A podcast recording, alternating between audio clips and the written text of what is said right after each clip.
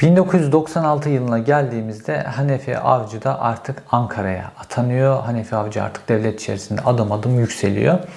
Ve e, Emniyet İstihbarat Dairesi Başkan Yardımcılığı görevine getiriliyor. İşte bu 96 yılı aynı zamanda işte cemaatinde işte insan yetiştirmiş, kadrosunu genişletmiş, yetiştirdiği insanlar yavaş yavaş devlet kadrolarında, özel sektörde, eğitim kurumları içerisinde görev almaya başladıkları cemaatin de artık çıkış yapmaya hazırlandığı bir dönem. İşte Fethullah Gülen'in de ilk defa böyle medyada gözükmeye başladığı dönemler o dönem. Hanefi Avcı da işte bu dönem Hanefi Avcı da çıkış yapıyor ve Ankara merkezde emniyetin en önemli pozisyonlarından bir tanesine getiriliyor. Şimdi bu süreçte e, işte o dört madde ilgili ilk iki maddeyi Hanefi Avcı İstanbul'da bir şube müdürü olarak üzerine düşeni yapmış. Sonraki iki maddeyle ilgili bazı üzerine düşen görevleri yapması gerekiyor ki beklenmedik bir hadise gerçekleşiyor. Susurlu kazası. İşte meşhur o susurluk kazasında kamyon içinde Abdullah Çatlı'nın olduğu, siyasetçinin, polis müdürünün filan olduğu bir kaza gerçekleşiyor ve Türkiye'nin gündemine susurluk oturuyor ve herkes susurlu konuşmaya başlıyor. Fakat devlet içerisinden bu susurlukla ilgili konuları konuşan kimse yok. İşte hep eski e, aktörler konuşuluyor fakat geçerli günümüzde e, hala görevde olan ve kritik görevde olan aktörlerden bir tanesi hiç konuşmuyor.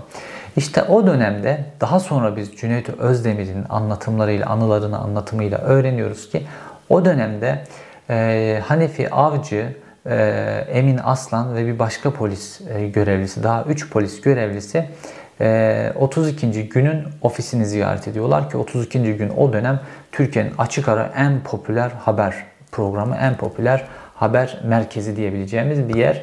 Ve orada kartlarını bırakıyorlar ve işte kendilerine yönelik bilgilendirme yapabileceklerini söylüyorlar. Hani emniyet istihbarattan bir medya kurumunun ziyaret edilmesi pek alışık bir şey değil. Ve böylece Hanefi Avcı ile Cüneyt Özdemir arasında bir bağlantı başlıyor. Ve yine Cüneyt Özdemir'in kendi anlatımıyla diyor ki biz iki yıl boyunca Hanefi Avcı'yla haftada 2-3 kere bir pastanede buluşup uzun uzun ziyaret ediyorduk ve ben bunun için İstanbul'dan Ankara'ya gidiyordum diyor. Şimdi bir istihbaratçının e, hele böyle üst düzey bir istihbarat görevlisinin ben de Ankara'da görev yaptım. İstihbaratçılarla da görüştüğüm oldu.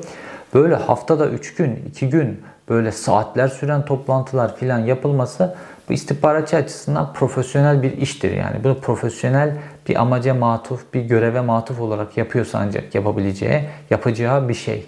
Normalde olmayacak bir şey böyle bir şey mümkün değil. Bir amaca matuf olarak yapılıyor ve nihayetinde Hanefi Avcı bir gün arıyor. Yine Cüneyt Özdemir'in anlatımı. Diyor ki işte ben çıkmak istiyorum televizyona ve işte bu susurluk vesaire, JITEM bu devletin e, derin yapılamalarını anlatmak istiyorum diyor. Şimdi halen daha görevde. E, bu nasıl olacak filan Mehmet Ali Birant'la görüşülüyor vesaire ve Hanefi Avcı 32. gün programına çıkıyor. Hanefi Avcı 32. güne iki kere çıktı. Ve Hanefi Avcı 32. gün programına çıkıyor. İzlemişsinizdir belki o programı. İşte programda konuşuyor. Şimdi bir kere görevdeki Emniyet İstihbarat e, Dairesi Başkanı Yardımcısının televizyon programına çıkması başlı başına bir olay. Belki o güne kadar görevde bir istihbaratçı Türk televizyonlarına hiç çıkmamıştı. Zaten görevdeki istihbaratçılar çıkmaz da yani. Ama Hanefi Avcı çıktı. Bu başlı başına bir olay.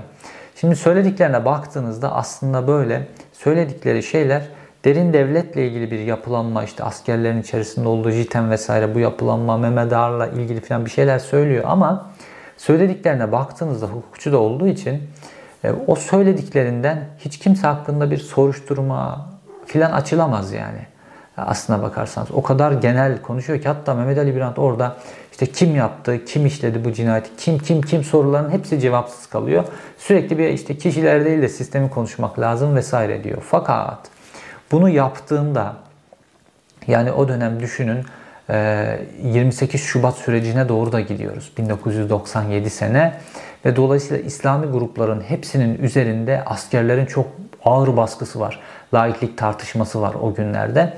Dolayısıyla Hanefi Avcı bunu yapıp o televizyonda çıkıp askerleri de içinde alan biçimde derin devleti karşısına alınca bir anda Hanefi Avcı bütün İslami cemaatler, muhafazakar insanlar arasında kahraman haline geliyor.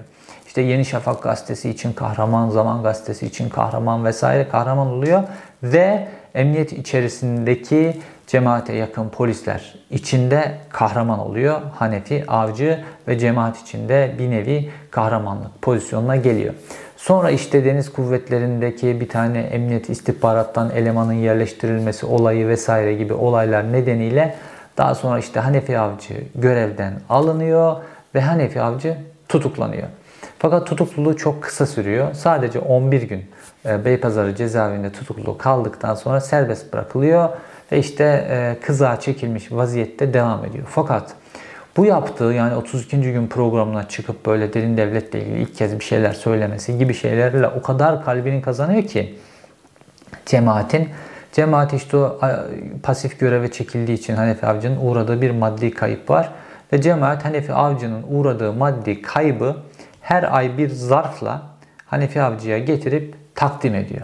Ve Hanefi Avcı cemaatten işte cemaatin kavramıyla 2 yıl burs alıyor. Fakat ve bu da e, sadece değil. Hanefi Avcı'nın iki tane çocuğu da Ankara'daki cemaate ait Samanyolu Koleji'ne ücretsiz olarak kaydediliyorlar. Dolayısıyla cemaat Hanefi Avcı'ya bütün desteğini veriyor onun 32. E, gün programında yaptığı nedeniyle. Ve 32. gün programı Hanefi Avcı cemaatte kahraman yapıyor. Ve cemaat içerisinde de iş şöyle işliyor. Şimdi bizden burs alan, e, cemaatten burs alan, e, bizden burs alıyorsa diyor cemaat, o zaman bu adam bizdendir. Ondan sonra çocukları bizim okula da ücretsiz okutuluyorsa, bizim okula kaydediyorsa bir polis görevdeki bir istihbaratçı, o zaman bu adam bizdendir gibi cemaat işte bugünlerin çok e, popüler tabiriyle kendi kendini enfekte ediyor ve Hanefi avcı cemaat için içerisindeki önemli bir kesim için özellikle tabanı için kahraman haline geliyor ve cemaatin cemaate yakın polisler de Hanefi avcıya iyice yaklaşmaya başlıyorlar.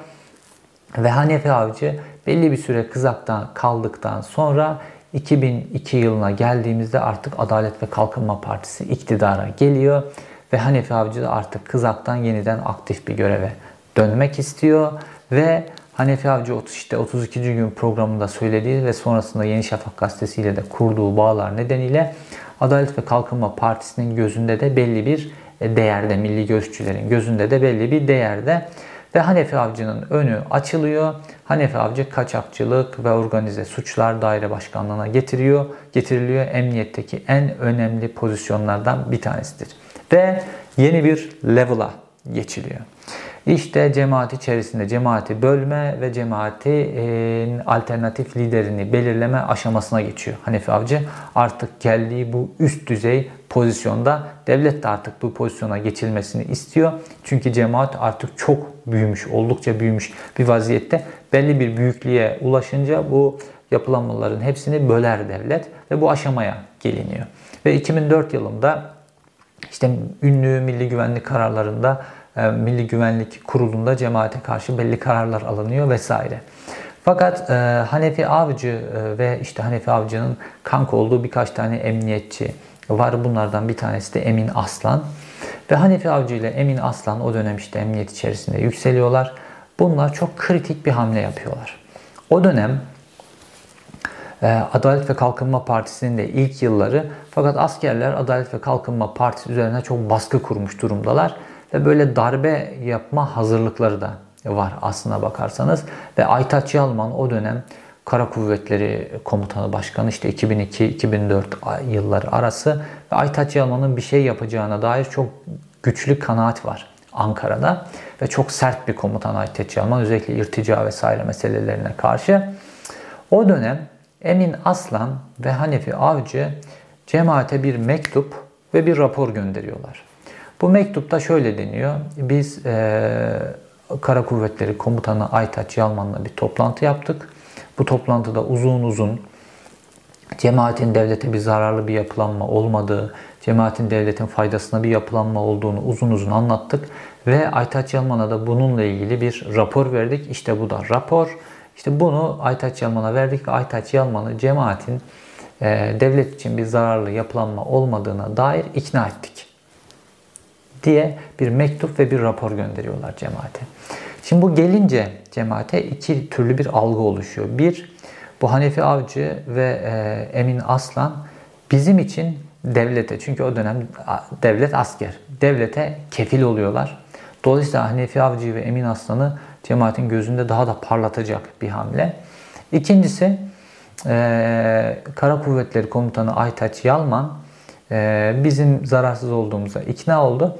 Dolayısıyla Aytaç Yalman'ın e, AKP'ye karşı bir hamlesine karşı bizim engel olmamıza gerek yok. Çünkü o dönem asker herhangi bir darbe girişimi yaptığında önündeki en büyük engeli işte Türk Silahlı Kuvvetleri içerisindeki cemaate yakın askerler olarak görüyor. Ve bunları da normalde aslında onlar ezer geçer de ana yapı. Ama bunları e, da engel olarak görüyor.